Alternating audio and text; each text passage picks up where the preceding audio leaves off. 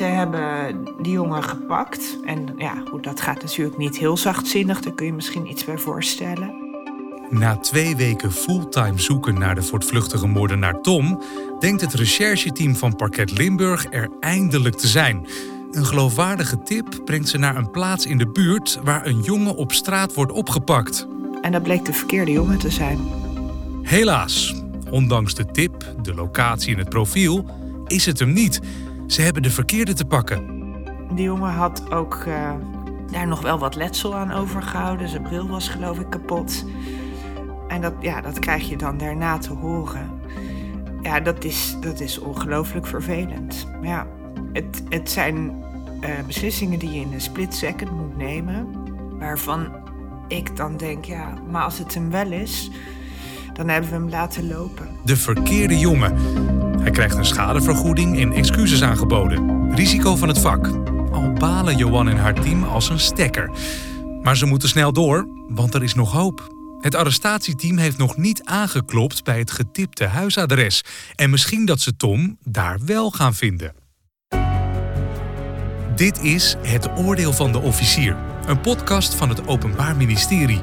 Mijn naam is Ben Prins en in de vijfde, zesde en zevende aflevering van deze serie neemt officier van justitie Johan Holthuis mij mee in de spannende moord- en achtervolgingszaak Austin Healy. De bal ligt nu bij Johan. Wat is de volgende stap? Inderdaad naar binnen bij het getipte adres of toch een volgende aanwijzing proberen?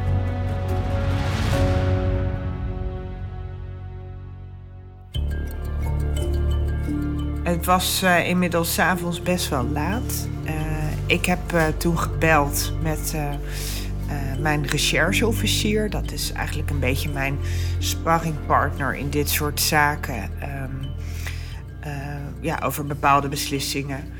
En ja, wij waren het eigenlijk samen over eens dat, dat we het moesten proberen. Dus ik heb gezegd dat het arrestatieteam naar binnen mocht. En die zijn naar binnen gegaan. En ja, ik geloof dat er een hennenplantage stond. Uh, en er werd volgens mij een of andere uh, illegale Roemeen of zo aangetroffen. Maar niet onze verdachte.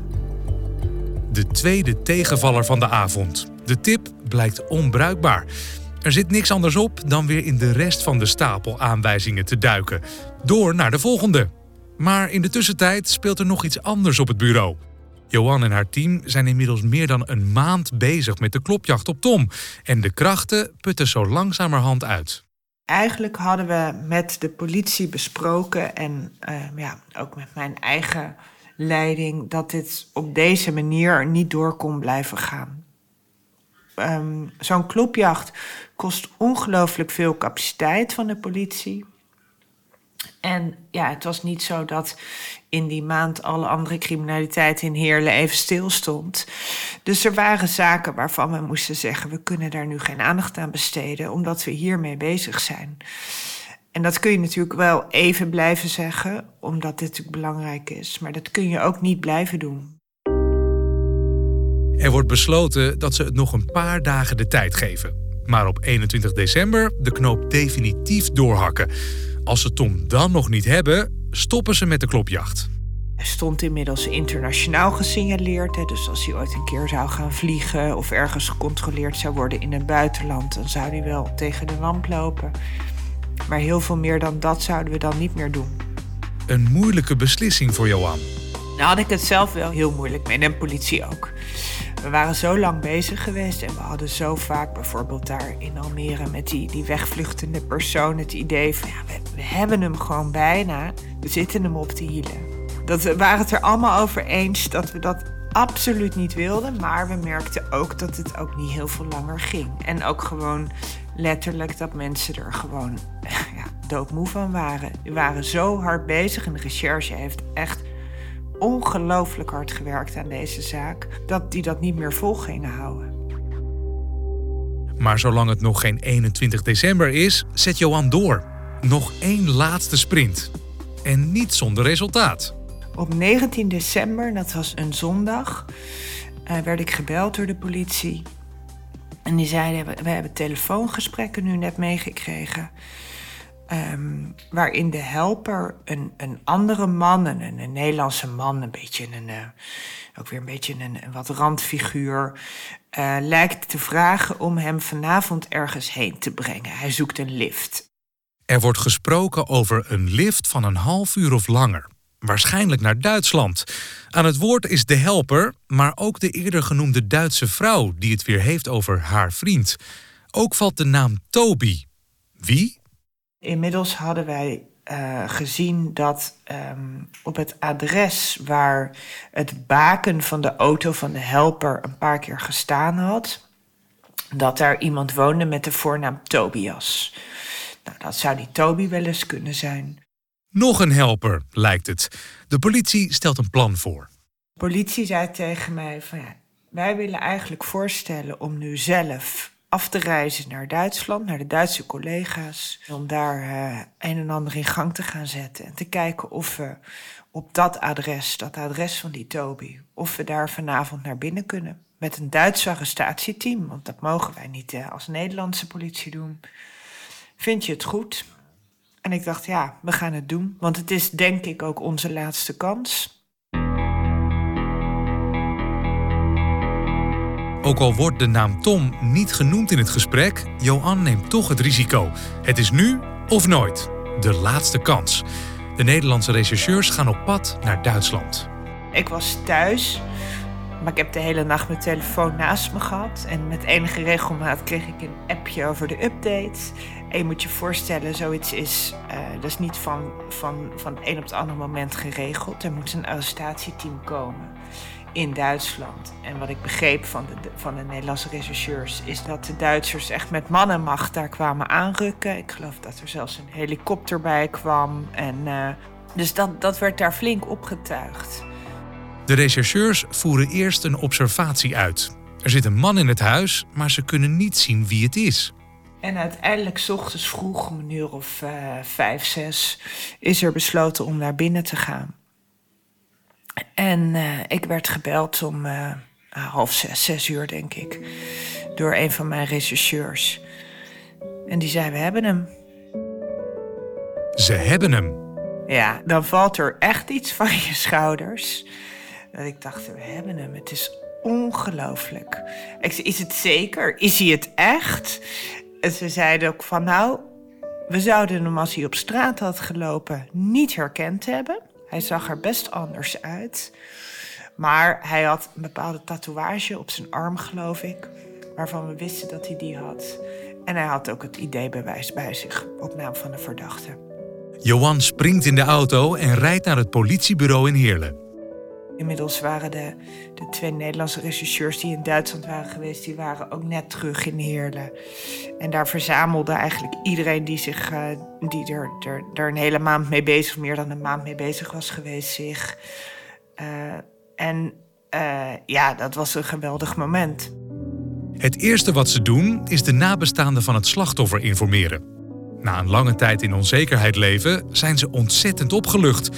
Tom wordt aangehouden in Duitsland en uitgeleverd aan Nederland.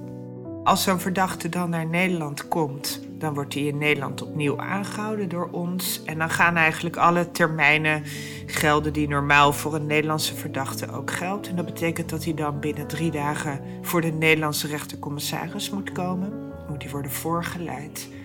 Ja, Zo'n voorgeleiding, daar ben je meestal als officier eigenlijk zelf niet bij. Je maakt een vordering op papier waarin je uitlegt waarom hij moet worden vastgehouden.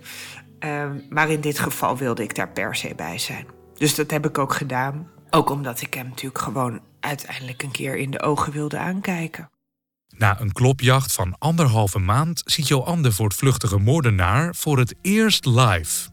Helaas houdt hij zijn mond, maar de verklaringen van de getuigen en de camerabeelden zeggen genoeg.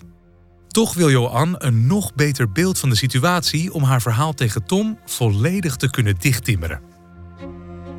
Toen het gebeurd was, en ik denk een dag of twee dagen later, ben ik ook naar die woning gegaan. Eh, naar de plaatsdelict, zoals dat dan heette. Omdat ik mezelf graag een beeld wilde vormen van waar hebben we het over. Het eerste wat mij opviel was dat het halletje waarin het dan gebeurd zou zijn. De, Tom zou min of meer op de uh, buiten hebben gestaan, min of meer in de deuropening. En het slachtoffer zou in het halletje hebben gestaan. Dat dat een ontzettend klein halletje was. Dat zijn allemaal dingen die je, als je dat moment al ziet, die je dan meeneemt later bij van hé, hey, als hier straks een verhaal komt over noodweer dan weet je in ieder geval in wat voor situatie dit zich heeft afgespeeld. Uiteindelijk duurt het nog een hele tijd voordat de ware aard van de schietpartij boven water komt. Of nou ja, de ware aard. Ja, dat verhaal heeft uiteindelijk nog een aantal maanden geduurd. En eigenlijk ook pas nadat hij een nieuwe advocaat had. Een, een tweede advocaat genomen. Toen kwam eigenlijk uh, uh, het verhaal naar buiten wat hij wilde vertellen. Wat hij vertelde was hij deed niet expliciet een beroep op noodweer. Maar hij zei wel, ik dacht wel dat ik werd aangevallen door het slachtoffer. En in paniek heb ik daarop geschoten. Als je keek naar de camerabeelden, dan zag ik, zagen wij als met de politie samen niks van paniek. Dat leek behoorlijk rustig uh, en kalm te gebeuren. Dus het was niet een verhaal waarvan ik meteen heel erg onder de indruk was. Johan confronteert hem met de camerabeelden, maar hij blijft bij zijn verhaal. Ook verklaart hij onder invloed van alcohol en drugs te zijn geweest. En hij vertelt dat hij bang was voor het slachtoffer. Volgens Tom ligt de schuld vooral niet bij hem. Johan heeft nog wel wat vragen. Het was natuurlijk een van de dingen die wij hem vroegen: van waarom ben jij met een vuurwapen op zak naar Frank toegegaan? Waarom had je dat wapen eigenlijk bij je? En daarvan zei hij: maar dat had ik altijd bij me, dag en nacht. Een psychiater en psycholoog van het Pieter Baan Centrum verklaren dat Tom de vorige keer te vroeg werd vrijgelaten uit de TBS en niet voldoende toezicht heeft gehad. Johan heeft haar twijfels. Hij stond zelfs onder toezicht van de reclassering. Dus er was best wel wat toezicht op deze jongen. Alleen ja, hij leidde een heel ander leven dan dat hij liet blijken naar de mensen die dat toezicht hielden. Het kwam er feitelijk op neer dat hij drugs dealde, misschien nog wel andere dingen deed, dat hij geen baan had. Uh, en daar was hij allemaal helemaal niet open over geweest. Johan krijgt van de psychiater en psycholoog het advies om een gevangenisstraf te geven en TBS op te leggen. Ze gaat erin mee. Ik heb uh, geëist een gevangenisstraf van 22 jaar en een TBS-behandeling. Ik heb meteen na afloop van het vonnis contact gehad met uh, de nabestaanden en hun advocaat. We waren het er allemaal over eens dat uh, eh, 15 jaar ook een hele lange gevangenisstraf is. En eigenlijk heb ik toen gezegd: als hij niet in hoger beroep gaat, dan denk ik dat we het hier maar bij moeten laten. En dat konden zij ook wel begrijpen. Uit bescherming voor de nabestaanden en het risico om alle pijn weer opnieuw omhoog te halen, houden ze het bij de 15 jaar gevangenisstraf. Ook nadat Tom in hoger beroep gaat. Op het moment van uitbrengen van deze podcast loopt het hoger beroep nog altijd. Johan kijkt terug op een pittige zaak. Gewoon door wat er gebeurd is, maar vooral ook de intensiteit waarmee je ermee bezig bent. Na bijna anderhalve maand zijn we uh, op jacht geweest naar hem. En daar ben ik heel nauw bij betrokken geweest. Daar was ik dag en nacht letterlijk voor bereikbaar, ook in het weekend. En dat, dat doe je heel graag voor zo'n zaak, maar het, het is best is wel pittig. Ja. Tegelijkertijd ben ik ongelooflijk trots op de politie dat ze het voor elkaar hebben gekregen om hem te pakken. Dat we hem gepakt hebben net voor het moment waarop we eigenlijk ja, noodgedwongen hadden moeten stoppen met die klopjacht. En ik ben heel blij voor de nabestaanden dat er toch een, echt een hele forse straf uitgekomen is. Dus ja, ik, ik kijk erop terug uh, als uh, een hele heftige, maar uh, hele heftige zaak, maar ook wel een zaak die uiteindelijk denk ik we met z'n allen tot wel echt een goed einde hebben gebracht. Dit was de zevende aflevering van Het Oordeel van de Officier, een podcast van het Openbaar Ministerie. In de volgende drie afleveringen duiken we in een nieuwe zaak met een nieuwe officier van justitie. Dave Matthijs neemt ons mee in de tragische en opzienbarende moord op Nicky Verstappen en de zoektocht naar het DNA van de mogelijke dader. Die wereld werd ineens heel anders op 8 juli 2018. Want toen kregen we eh, voor het eerst informatie dat de donor van het profiel wat wij zochten, van het onbekende DNA-profiel wat we hadden, tot dat, uh, dat Jos B. was. Dat is ook wel een dag die ik nooit meer vergeet. Het oordeel van de officier is een productie van Potworks en ik ben Prins. Benieuwd geworden naar het werk van Johan? En zou je zelf ook aan de slag willen als officier van justitie? Ga dan naar werkenbijhetom.nl. Bedankt voor het luisteren en tot de volgende aflevering.